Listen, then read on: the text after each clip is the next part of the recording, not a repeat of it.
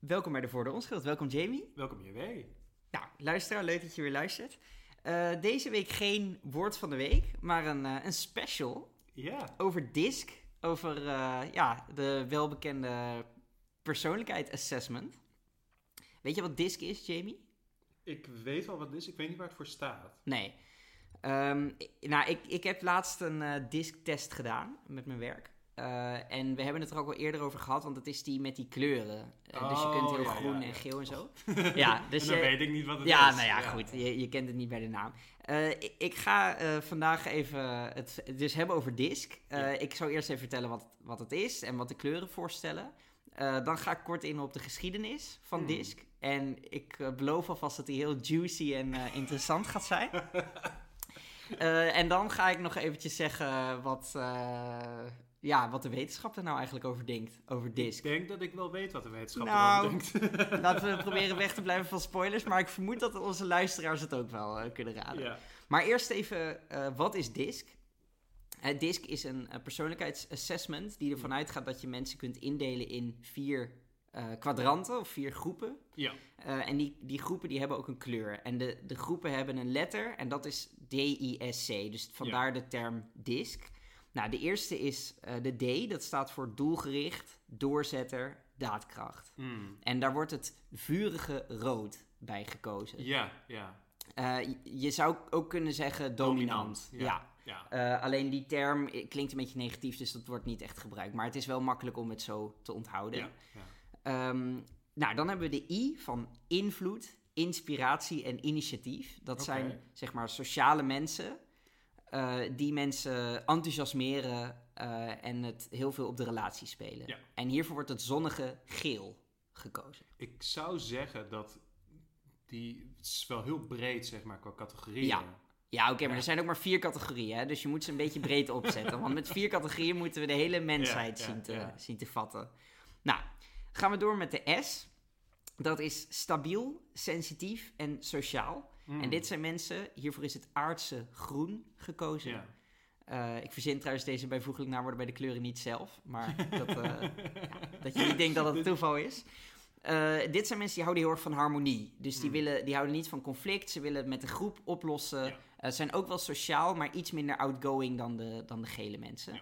En als laatste hebben we de C. Die staat voor conscientieus, correct en conformistisch. Hmm. En daarvoor is het heldere blauw Ja, gekozen. Dus ook de drie primaire kleuren komen aan bod. Ja, inderdaad. Nou, het is allemaal lekker primair, lekker makkelijk. Eh, eh, om, om het nog even af te maken, die, die blauwe mensen die houden dus van eh, regels, van vastigheid, van duidelijkheid waar ze aan toe zijn, dat soort dingen. En dat zijn dus ook mensen die oog voor detail hebben en zorgen dat je Zijn dat geen meer fouten de dromers, de, de blauwe mensen? Nee, juist niet dus. Oh, dus die, hebben, eh, die houden van vastigheid en, en lijstjes afwerken en zo. Oh, ik denk dat de dacht- dromers misschien meer in groen Hmm. vallen, of misschien een beetje geel. Want Ja. ik dacht juist blauw, zeg maar, je zit met je hoofd in de wolken. Nee, nee, zo, eh, nee, zo moet je dit niet zien. Nee, het is meer de helderblauw. Dus, Helderblauw. eh, ja. Ja. Nou, het idee is, iedereen heeft een primaire kleur. Dus iedereen valt, valt in deze vier... eh, primair niet als in primaire kleur, maar dat het voor jou primair is. Dus iedereen valt in een van deze vier categorieën. En ik zal meteen maar even voor de luisteraars die heel erg benieuwd zijn... zeggen, uit mijn disc assessment kwam geel. Geel. Ja, als primaire kleur. Dus dat betekent dat jij... ehm, Nou, sociaal, enthousiasmerend, eh, invloed, eh, dat soort termen. dat klopt ook wel, zou ik zeggen. Nou, Ja, nou ja, uiteraard. Vind je heel sociaal. Uiteraard. Ja. Nou ja, het zou ook raar zijn als het helemaal niet klopt, toch? Nou, en dan heb ik ook nog een. De meeste mensen hebben dan ook nog een secundaire kleur.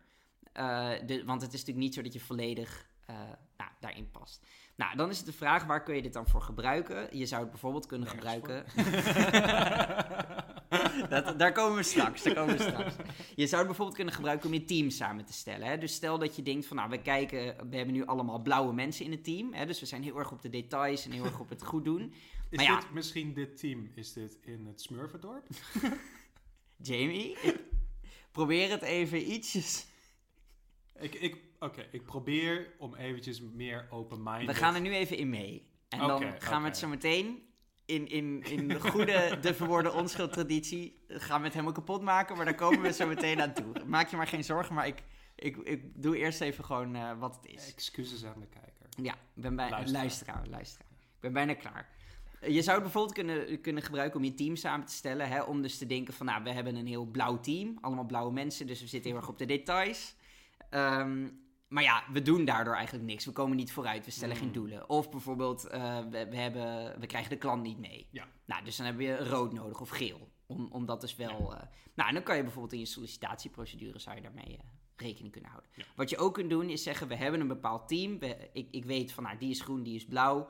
Die moet ik op een andere manier benaderen. Ja. Dus iemand die blauw is, die, die zal van details en van feiten houden... en zich op die manier laten overtuigen. Iemand die geel is, kun je misschien beter op de relatie overtuigen. Dat is het idee. Dan gaan we zo meteen naar de vraag hoe, dit, hoe wetenschappelijk dit allemaal is. Maar ik heb eerst iets wat misschien nog wel veel leuker is. Namelijk de geschiedenis van, Van, DISC. Brick, eh, van Disk. Van ja. Ja. En ik ga meteen even een bommetje droppen. DISC is... ja, ben je er klaar Ja, voor? Ja, ja. DISC is ontworpen voor BDSM. En voor de mensen die Oh. denken, wat is BDSM? Hè, dat zijn mensen met eh, leren pakjes die Ja. elkaar met zweepjes slaan zo. staat voor bondage, dominantie, sadomasochisme. Ja, inderdaad. Ja. En ehm, nou denk je misschien, dit is een behoorlijke claim van, eh, van JW hier. Maar ik ga dat nu eh, proberen hard te maken. Hard te maken. Hard te maken. ja, nee, ik doe overigens niet aan, eh aan kinkshamen. Dus als je BDSM leuk vindt, helemaal prima. Eh, en ik vind dit ook niet per se een nadeel van DISC. Er zijn mensen die denken van dit ondermijnt de geloofwaardigheid van DISC. Zo sta ik er niet in. Dit is hoe het is ontworpen. Dit ik, is gewoon de ik doe wel aan kinkshamen. Dus als je, ehm, ons, eh, als je ons mailt op de verwoorde onschuld.gmail.com en het is jouw kink om geshamed te worden, Ja, stuur dan is dit helemaal jouw plek. Zeker, zeker, zeker. Nee, maar goed. Eh DISC is ontworpen door meneer Marston in de jaren 20, William Marston. En eh, even twee leuke feitjes. Hij was een enorme feminist. Nou, daar Ja. kunnen we natuurlijk alleen maar eh, blij van worden. ja. En hij was polyamoreus. Hij had een relatie met twee vrouwen die ook een relatie met elkaar hadden. Dus ze hadden zeg maar een driehoeks. Ja. En ze woonden ook samen. En eh, hij heeft bij allebei kinderen gekregen en die, vo- die voeden ze dan met z'n drieën zo op. Dus dat, dat is wel cool. Dit was, welke jaren waren dit? In de jaren 20, 30. oh, dat dit. is wel heel progressief voor die tijd. Zeker, ja, ja. zeker. Dus dat is meteen dat ik denk van, oké, dit is een coole gast. Ehm, en eh, wat ook wel, eh, hij is overleden vlak na de Tweede Wereldoorlog aan kanker. En toen, in 1947, en toen hebben die twee vrouwen nog tot 1990 bij elkaar gewoond. Zo. Dus dat was echt wel, eh, nou, die, ja, dat, dat klinkt heel goed. Is hartstikke leuk. Nou, heel positief. Ja, nou, dat denk ik ook. En eh Marston die hield er wel, zoals de meeste psychologen in de jaren twintig, wat ideeën op na over de menselijke psyche. Waarvan we nu denken van, nou, inmiddels weten we misschien wel iets beter. Dat zou je denken. Ja, de meest invloedrijke psycholoog in die tijd, dat was... eh, of nou, je had, allereerst had je natuurlijk Freud. Ja. die eigenlijk geen enkel idee heeft wat we nu echt nog serieus nemen. Maar die wel echt is begonnen met die psychoanalyse en met mensen indelen, met mensen, menselijk gedrag en menselijke gedachten beschrijven en Dus te proberen te Tegenwoordig verklaren. wordt dat voornamelijk gezien als pseudowetenschap. De, ideeën psycho- zelf... De psychoanalyse. Ja, de ideeën zelf wel, maar de manier van kijken is wel, was wel echt revolutionair voor in die tijd. Om dus echt psychologie als een wetenschap te gaan beschouwen. En hij zat er misschien nog veel naast, maar nou ja, oké. En in diezelfde traditie staat ook eh Yang. En dat Ja. is een van de eerste echt invloedrijke psychologen. En die heeft geprobeerd om mensen in te delen in typologieën. En Marston die, die werkt eigenlijk door op zijn ideeën. Dat is ook interessant om te vermelden, want dat weet ik toevallig ook. Ehm, Mhm. Dat de Briggs-Myers-test, Ja, die is ook op basis van Jungiaanse principes is dat klopt. gemaakt. Ja, En daar heb ik ook nog een leuk stukje Ja, ik weet van. dat jij heel Ja. eh, groot fan bent van, eh van Myers-Briggs. Dus laten we dat aan het einde van de... Ja, laten we dat zo meteen ook nog even behandelen. Maar om het niet al te verwarrend eh, te maken, Ja. ga ik even door met, met Marston. Dit is een, was een kwadrantenmodel. En je weet, Jamie, ik ben gek op kwadrantenmodellen. En dit model had twee assen. Hmm. De ene is of je de wereld als vriendelijk of als antagonistisch ervaart. Dus zie je de wereld als positief of jou slechtgezind. Eh, en het andere is eh, je vermogen om daar ook iets aan te doen. Ja, Dus hè, ik, ik ga ze dan even af, want de kleuren en de, de disk eh, letters stonden voor wat andere dingen dan het nu staat.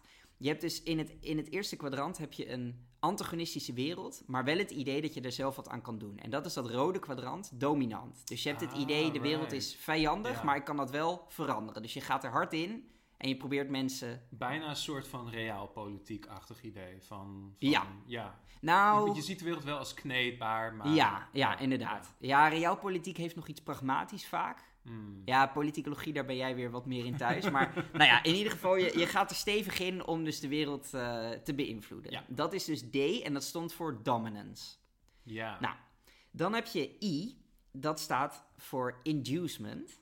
En eh, dat, dan zit je, eh, heb je ook het idee dat je de wereld kan beïnvloeden, maar je ziet de wereld als vriendelijker. Dus dat zijn Hmm. mensen die met charme en met vriendelijkheid proberen om de wereld goed te vormen om zich Een heen. beetje how to make friends and influence people. Ja, type exact. Mensen. Ja, ja. Dat is welke En kleur? dit is geel, dit is de I, dat is dus mijn kleur. ja. En dit is ook eigenlijk de kleur die nog het, het best overeind is gebleven na eh, bijna 100 Ja, jaar. ja, Want deze kleur is, is vrijwel hetzelfde als, als wat het toen was. Dan heb je de S, dat is die groene kleur. ja. En die stond niet voor stabiel of sensitief, die stond voor submission. oh, en nu komen we meteen dominance en submission. submission. Ja. Nee, dan heb je dus wel een positief wereldbeeld, maar niet het idee dat jij daar iets aan kan doen. Dus je stelt je dan, eh, nou ja, ik zal het eh, voorlezen. Warm and voluntary acceptance of the need to fulfill a request. Dus Dat dit is klinkt wel als heel erg submissive. submissive. Ja, inderdaad. En je gaat er dus vrolijk en, en opgewekt in. Nou, en als laatste heb je de C, die blauwe, dat is compliance. En dat is eigenlijk het kwadrant waar je niet wil zijn. Want dan heb je dus het idee van de wereld is vijandig en ik kan er niks aan doen. Dus hier staat Mm. ook fearful adjustment to a superior force. Right. Nou, En is het En ook ziet- het geval dat tegenwoordig nog, nog vaker mensen die blauw zijn, een soort van worden uitgefilterd? Zeg maar bij sollicitatieprocessen? nou, het is wel interessant als je kijkt wat voor eh, evolutie die kleuren hebben ondergaan. Ja. Want eh, kijk, het verschil tussen de twee dingen die ik beschrijf zit natuurlijk sowieso Engels-Nederlands in. Want ik, ik gaf de Nederlandse eh, uitleg. Maar je ziet ook in de Engelse versie zoals die nu wordt gebruikt, dat die kleuren best wel een, een verandering hebben doorgemaakt. Hè, dus de I, die is nog redelijk soort, die, gelijk gebleven, zoals Ja, ik net ja, zei. Eh, de D ook wel enigszins, hè, dominantie, al, hoewel dat woord dus niet echt heel erg meer wordt gebruikt. Maar in het, eh, het, het kwadrant waar je niet veel kan veranderen, zie je wel echt grote eh, veranderingen Hmm. eigenlijk. Dus vooral bij, de, bij die compliance. Kijk, je kunt Ja. nu niet meer op de werkvloer zeggen... eh, jouw type is compliance, fearful adjustment to a superior force. Je kunt er heel toch? Ja, dat, dat, niemand Ja, wil zich daarmee identificeren. Van, En van, oh, jouw, type, jouw type is submissive en ik ben Exact, dominant. daar geldt hetzelfde voor. En, maar je kunt nog wel een beetje herkennen, hè, stel dat je dus compliant bent en dus angst voor de wereld hebt. Kijk, het enige waar je dan nog aan kunt vastklampen Hmm. zijn regels, procedures. Dat, dat is wat Ja, dan nog ja, wel vastigheid ja, geeft. En daarom, dat is er dus van overgebleven. Die mensen die houden wel van regeltjes, van lijstjes, van details en dat dingen kloppen en Hmm. correct gaan. Terwijl die I's wat dromeriger en wat, wat meer YOLO zijn, zou je kunnen zeggen. En eh, die, blauw is denk ik de kleur die het meest is veranderd, maar je herkent hem nog wel terug als je, het, eh, nou ja, als je dus eh, naar die geschiedenis kijkt. Nu komen we bij de ideeën van Marston, want dit wa- waren dus zijn types. Maar je denkt nu waarschijnlijk nog, oké, ik zie D, dominantie, S, submissive, maar is dit nou Hmm. echt bewijs dat het BDSM is? Nou, Marston, die was, en daar, daar heb ik eigenlijk twee bewijzen voor. Ja. Marston die was heel erg eh ervoor dat mensen zich vooral in dat S-kwadrant gingen bevinden. Dus dat submissive kwadrant. Hij zei dat is eigenlijk de plek waar je als mens het meest gelukkig bent. En eh, zowel op persoonlijk niveau als op maatschappelijk niveau vond, leek het hem goed als veel mensen in dat kwadrant Het is ook gingen. logisch, want als iedereen dominant is, dan kun je eigenlijk een... Dan, Dan, zijn, dan wordt het een chaos, Ja, een precies, strijd. Dat is ja. niet, niet te doen. Ja, inderdaad. Ja. En als je dus je wel kunt overgeven, maar dat wel op een positieve manier kunt doen, dat is voor hem heel, heel goed. En ik zal je een citaat voorlezen. The only hope for peace is to teach people who are full of pep and unbound force to enjoy being bound. Only when the control of self by others is more pleasant than the unbound assertion of self in human relationships, can we hope for a stable, peaceful human society. Nou, dus dat is heel duidelijk dat idee zoals ik net zei. Ja, ja, ja. En hier komt even de kikker. Giving to others, being controlled by them, submitting to other people cannot possibly be enjoyable without a strong erotic element.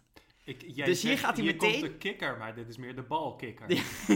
ja, dus hij, gaat, hij zegt ook van hoe gaan we dat dan bereiken dat mensen graag in dat S-kwadrant komen? Erotiek. Dat is de manier om dat te bereiken. En ik, voor als je nu nog niet overtuigd bent, heb ik nog een tweede eh, citaat van hem. Dat gaat over mannen. Give them an alluring woman stronger than themselves to submit to, and they'll be proud to become her willing slaves.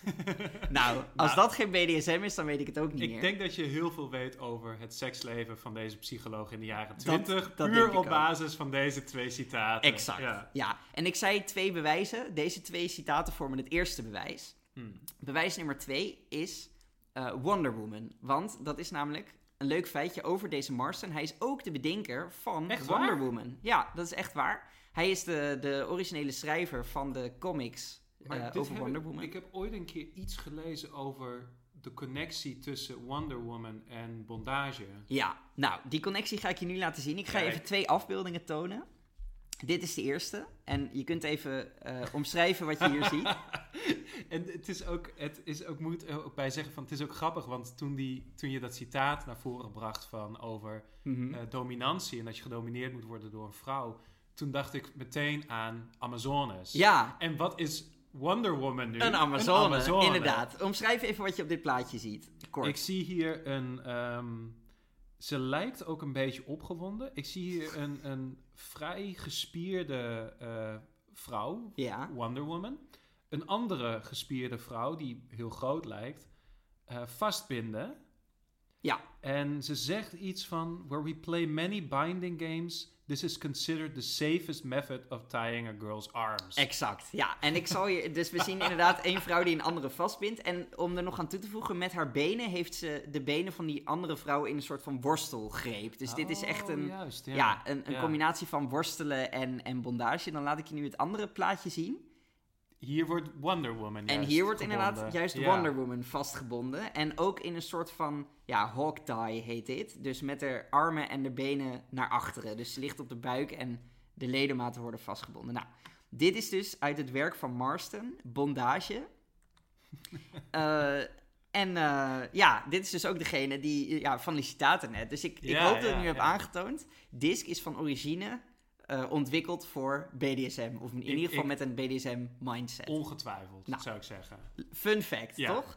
Maar goed, het is denk ik ook goed om even naar het heden te kijken. En dan komen we nu in het, eh, eh, in het laatste hoofdstuk van, van mijn relaas.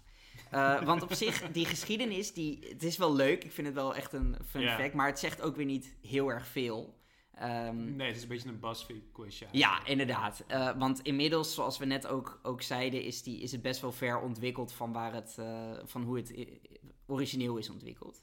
Ehm, maar het is denk ik ook goed om even naar het heden te kijken. En zoals ik net een bommetje had om te droppen, namelijk dat DISC is ontwikkeld voor BDSM, heb ik nu nog een bommetje. DISC is pseudowetenschap. ik hoorde je de term al, Nou, je, je stond te popelen om het te zeggen. Ik wilde al, ja, weet je, we zijn nu al een paar minuten aan het opnemen. Ja. En ik heb het eigenlijk al vanaf het moment dat je zei welkom bij het verwoorden onschuld, wilde ik al roepen, dit is pseudowetenschap. ja. ja. Nou, dan eh, ben je helemaal op, het juiste, op de juiste plek, eh, Jamie. Kijk, eh, dit kan je ook gewoon lezen op Wikipedia. Dus Mm. dit, dit wordt nog makkelijker om te bewijzen. Want dit is letterlijk de derde zin in het Wikipedia-artikel over DISC. Daar staat dat het pseudowetenschap is. en nog voor de inhoudsopgave. Dus je hebt zo'n zo'n introductie van DISC is dit en dit en dat. En dit is ontwikkeld door Marston. En het is door veel wetenschappers wordt het gezien als pseudowetenschap. Het is natuurlijk ook van, jij vertelde net zeg maar wat al die kleuren inhouden, dat Ja. jij geel bent. En ik dacht van, ja, maar ja, je bent eigenlijk, ben je ook wel een tikkeltje rood. Ja, Van, dus het is meer zeg maar een, een, als ik heel eerlijk ben, klinkt het meer een beetje als een horoscoop. Nou, inderdaad. En daar, daar kom ik nu op, want ik, ik las natuurlijk verder op dat, in dat. Wikipedia-artikel dan alleen Ja. die introductie.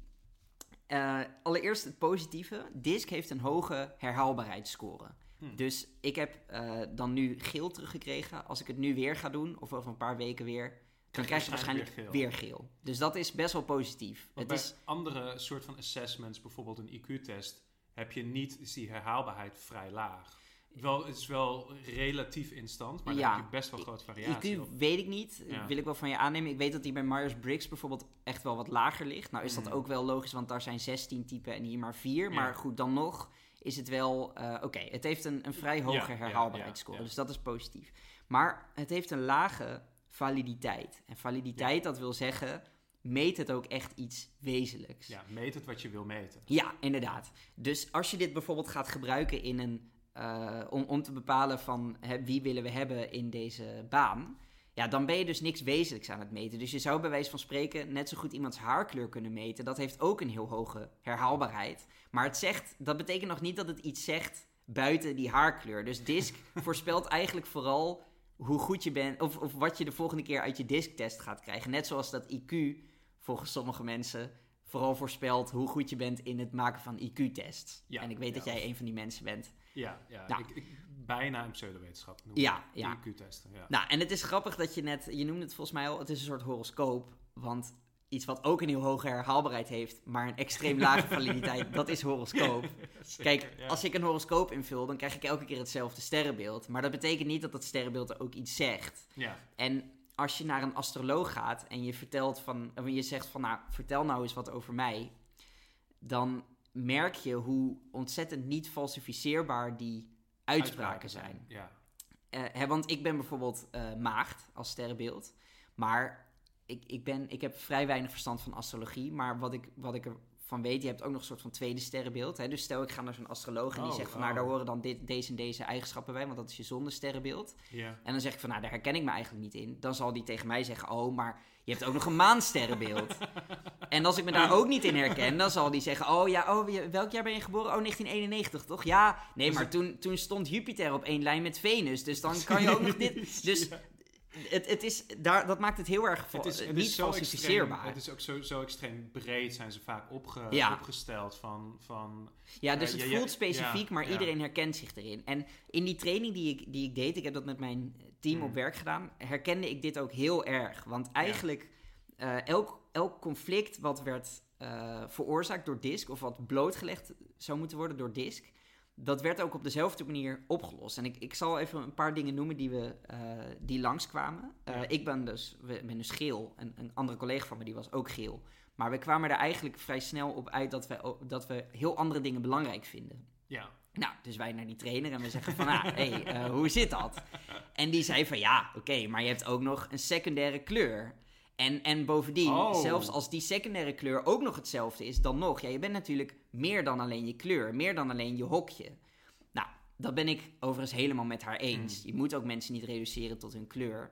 Maar, ehm, nou ja, oké. En, en eh, ik, ik zal nog even andere voorbeelden nemen. We hadden ook opgeschreven, we hebben verschillende rollen in het team. Dus we hebben bijvoorbeeld een Scrum Master, Business Analyst. Nou, en dan hadden we per rol hadden we opgeschreven van wat vinden we nou logisch. Voor Qua kleur. kleur. Voor, ja, ja, Ja, en, ja. en- maar ja, dat klopte niet. Want dat hadden we dus, zeg maar, ik had het met een collega gedaan. Geprobeerd om niet aan het team te denken. Toen hadden we opgeschreven, Scrum Master is typisch groen. ja. Nou, onze Scrum Master is niet groen. Die is geel.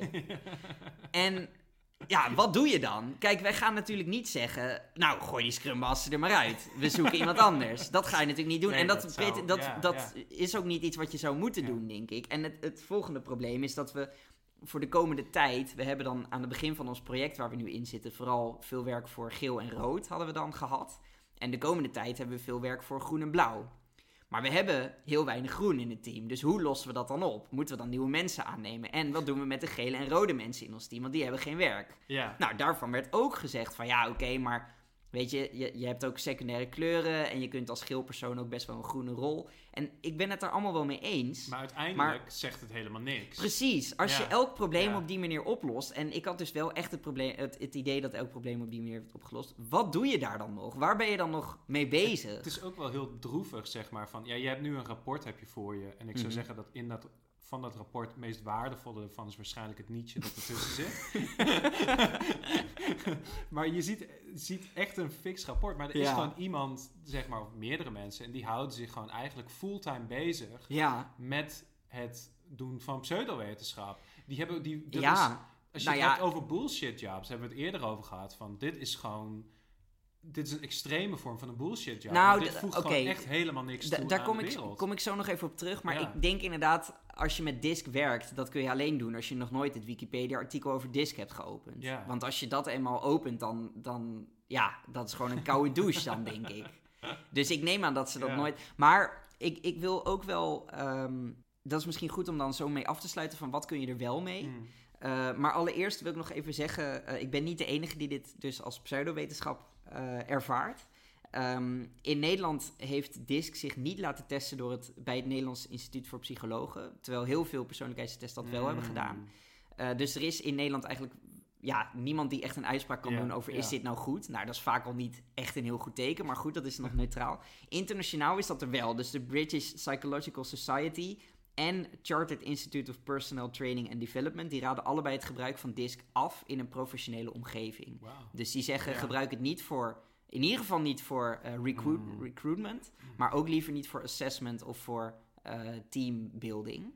Het wordt nu wel degelijk gebruikt voor Het wordt assessments. Zeker daarvoor Het gebruikt, wordt, ja. Vaker wordt Briggs Myers wordt ge- gebruikt. Volgens Ja. mij is Briggs Myers. Oké. Ik, ik, ik, weet, eh, ik weet toevallig, weet ik daar een leuk detail over. Kom, ja, dat, laten we dat. ik, ik maak nog even mijn verhaal af. Want je moet er dus heel erg mee oppassen. Het is pseudowetenschap en je moet het niet te letterlijk nemen. Mhm. Wat kunnen we er dan wel mee? Want ik heb namelijk die dag niet helemaal als verloren beschouwd. En ook die trainer niet helemaal als, eh, als een bullshit job. Ehm, want ik denk wel dat het goed is om je af en toe te realiseren. eh, verschillende personen eh, hebben ook verschillende aanpakken, verschillende gedachten, Ja. verschillende motivaties. En het is best wel lastig om dat goed bloot te leggen. En als je, dat, als je er een dag, want we waren er een dag Ja. mee bezig met het team, een dag op deze manier mee bezig bent, dan dringt het wel echt door van oké, de manier waarop ik benaderd wil worden, is misschien niet de manier waarop mijn collega benaderd wil Ja. worden. Dus ik, ik kan daar ook wel eens over nadenken. Dus dat is denk ik wel een goed besef. En ja, dit, dit is heel makkelijk gezegd.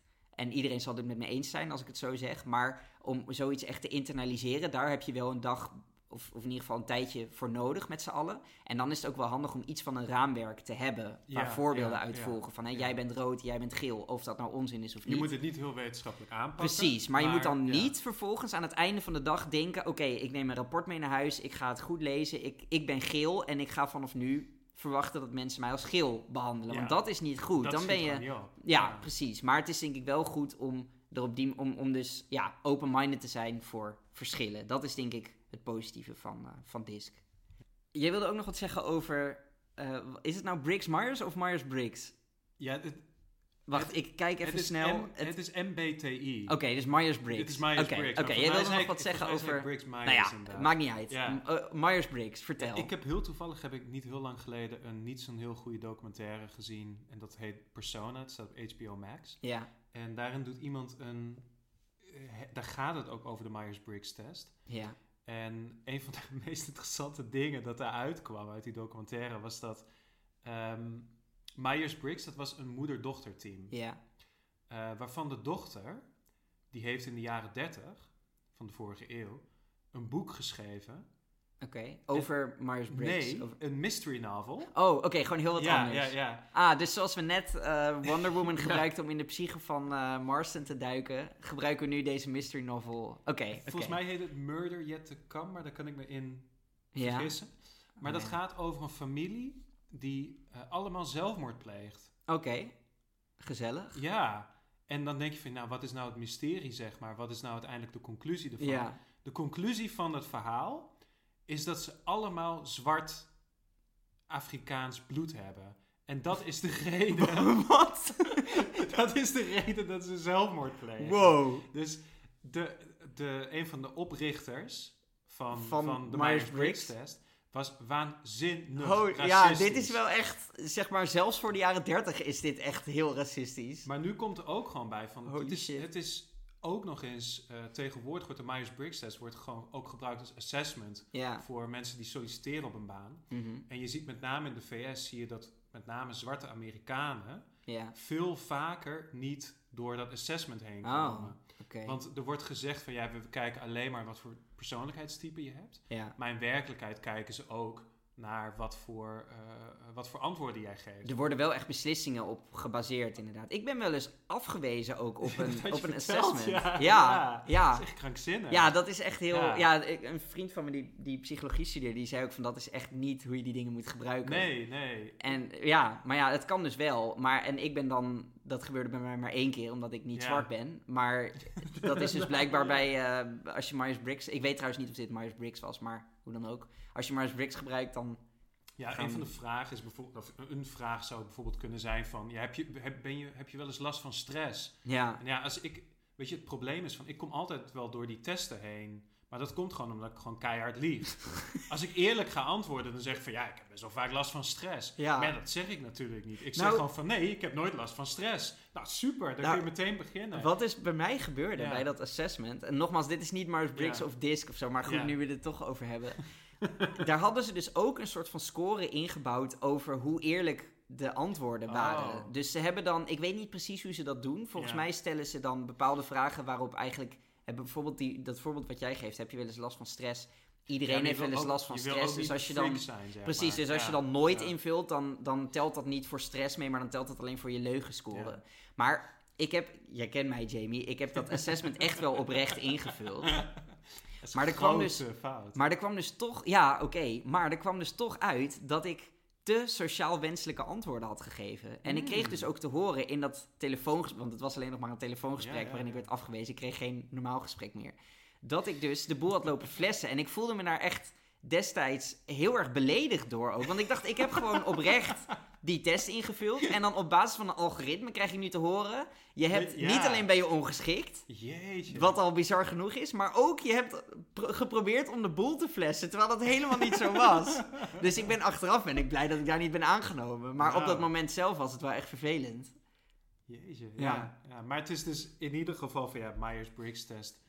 Geschiedenis van racisme. Ja, En dan wordt het van ook nog eens- extreem racisme. Ja, ja, en dan wordt het ook nog eens, zeg maar, eh, tegenwoordig geassocieerd met het uitsluiten van...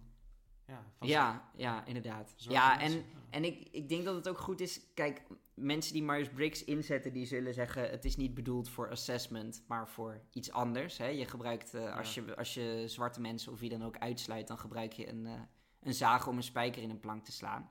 Maar ik zou daar wel tegenin willen brengen dat als je zo'n gereedschap aanbiedt, Ja. dan is dit ook best wel een logische manier om het te, gaan te gaan gebruiken. Dus ik vind het ook niet helemaal terecht om je daar dan achter te verschuilen. Volgens mij ja, is het heel logisch dat, dat het voor assessment wordt gebruikt. Niet goed dat dat gebeurt. Maar daarom moeten we denk ik benadrukken... Myers-Briggs is niet geschikt voor assessment... en eigenlijk überhaupt niet geschikt voor psychologie. voor psychologie. Want het, Ja, het heeft ja. gewoon geen wetenschappelijke basis. Kijk een keer op Wikipedia en gooi Myers-Briggs de deur uit... en gooi DISC de deur uit. Ja. Maar ik zou wel willen zeggen... als je dan toch een keuze moet maken tussen Myers-Briggs en DISC... Ga dat is dus DISC. de keuze voor, tussen racisme en BDSM. En dan zou ik altijd voor BDSM kiezen. Dat sowieso. Ik vind het meer, zeg maar, een verschil, zeg maar, een, ja, een, een, een, een vuist op de kin of een, een knietje in je, in je kloten. Ja, inderdaad. Ja. En, als je in het, en als je in het juiste kwadrant zit, Jamie, dan eh, geniet je daar misschien nog van ook. hey, ik heb ook nog een, een limerick. Oh, Eh, Die zal ik even voorlezen. En dan eindig ik nog even met een filmtip. Maar eerst de limerick over, over, Brig, eh, over niet over Briggs, over Disc. Ja. Mijn baas zei, you're fired, doeg. Ik vroeg hem waar dat nou op sloeg. Hij zei, je kunt gaan, ongeschikt voor de baan. Helaas, je bent niet rood genoeg. Netjes, ja. Dank je. Ja, heel mooi. Hey, en als filmtip zou ik willen, eh, willen meegeven eh Dr. Marston en the Wonder Women. Dat gaat Hmm. over... Do- documentaire? Eh, nee, het is een speelfilm. Wel op waarheid gebaseerd. Maar het is een beetje... Nou ja, ik, als ik hem had gezien en zeg maar niet op Wikipedia had gekeken achteraf... of nog een beetje op internet had gestruind... had ik gedacht dat het allemaal onzin zou zijn. Maar het beschrijft dus... eh, ja, eigenlijk wat ik net heb, heb verteld. Dus dat, dat Marston een, een polyamoreuze relatie had. eh, ook, eh, en, en, en dat hij die persoonlijkheidstypes Wie speelt Dr. Martin? Weet ik niet. Marstons. Eh, Marston. Ik zal, het, ik zal het in de show notes zetten. Mm. Maar geen idee heet. hey, je kunt ons bereiken op de verwoorde onschuld.gmail.com Ja, of op @dvonschuld op Twitter of Instagram. En je kunt ook vragen of je... in onze kunt WhatsApp groep treden mag, tot, eh, als je vaste luisteraar bent. WhatsApp-groep. Ja, En eh, bedankt voor het luisteren. ja dan. dankjewel. Eh tot volgende week. Doei doei. Doei doei.